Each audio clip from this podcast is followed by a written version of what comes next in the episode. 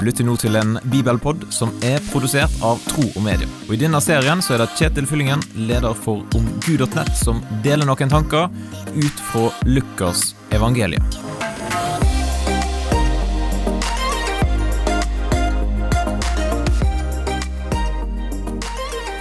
Når kaster du deg på kne for noen, eller noe sist? Jeg tipper at det er noe som ikke skjer spesielt ofte. Men når vi møter viktige personer i høye posisjoner, så bukker vi kanskje, eller neier, og viser vår respekt på en eller annen måte. Når mennesker møtte Jesus, så ser vi ofte at de kaster seg ned for han. Ja, kanskje vi har noe å lære. I dagens bibelpåtekst i evangeliet til Lukas, kapittel 5 og vers 12-14, så står det En gang han var i en av byene, kom en spedalsk mann, full av sår. Da han fikk se Jesus, kastet han seg ned med ansiktet mot jorden, og bønnfalt han. Herre, om du vil, kan du gjøre meg ren. Jesus rakte ut hånden og rørte ved ham. Jeg vil, sa han, bli ren. Og straks forsvant spedalskheten. Jesus forbød ham å si det til noen, men gå og vis deg for prestene, sa han, og bær fram et offer for renselsen din slik som Moses har påbudt. Det skal være et vitnesbyrd for dem.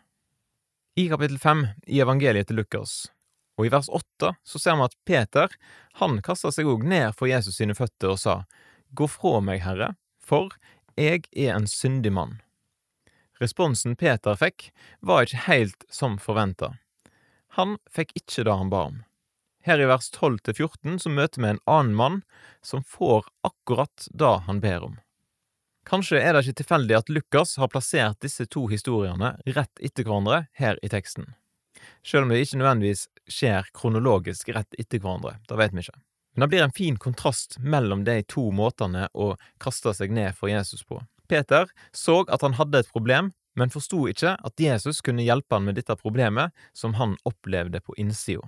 Den spedalske mannen hadde òg et stort problem, på utsida, og han er overbevist om at Jesus kan hjelpe han. Og da vil Jesus. Han får det han ber om. Peter fikk ikke det han ba om, for at Jesus hadde et bedre alternativ for han. Og Jesus ville òg løse Peter sitt problem. Hva tenker du om historiene her i Lukas kapittel 5, som på en måte står i kontrast til hverandre? Har vi noe å lære? Du er velkommen til å dele dine tanker med meg.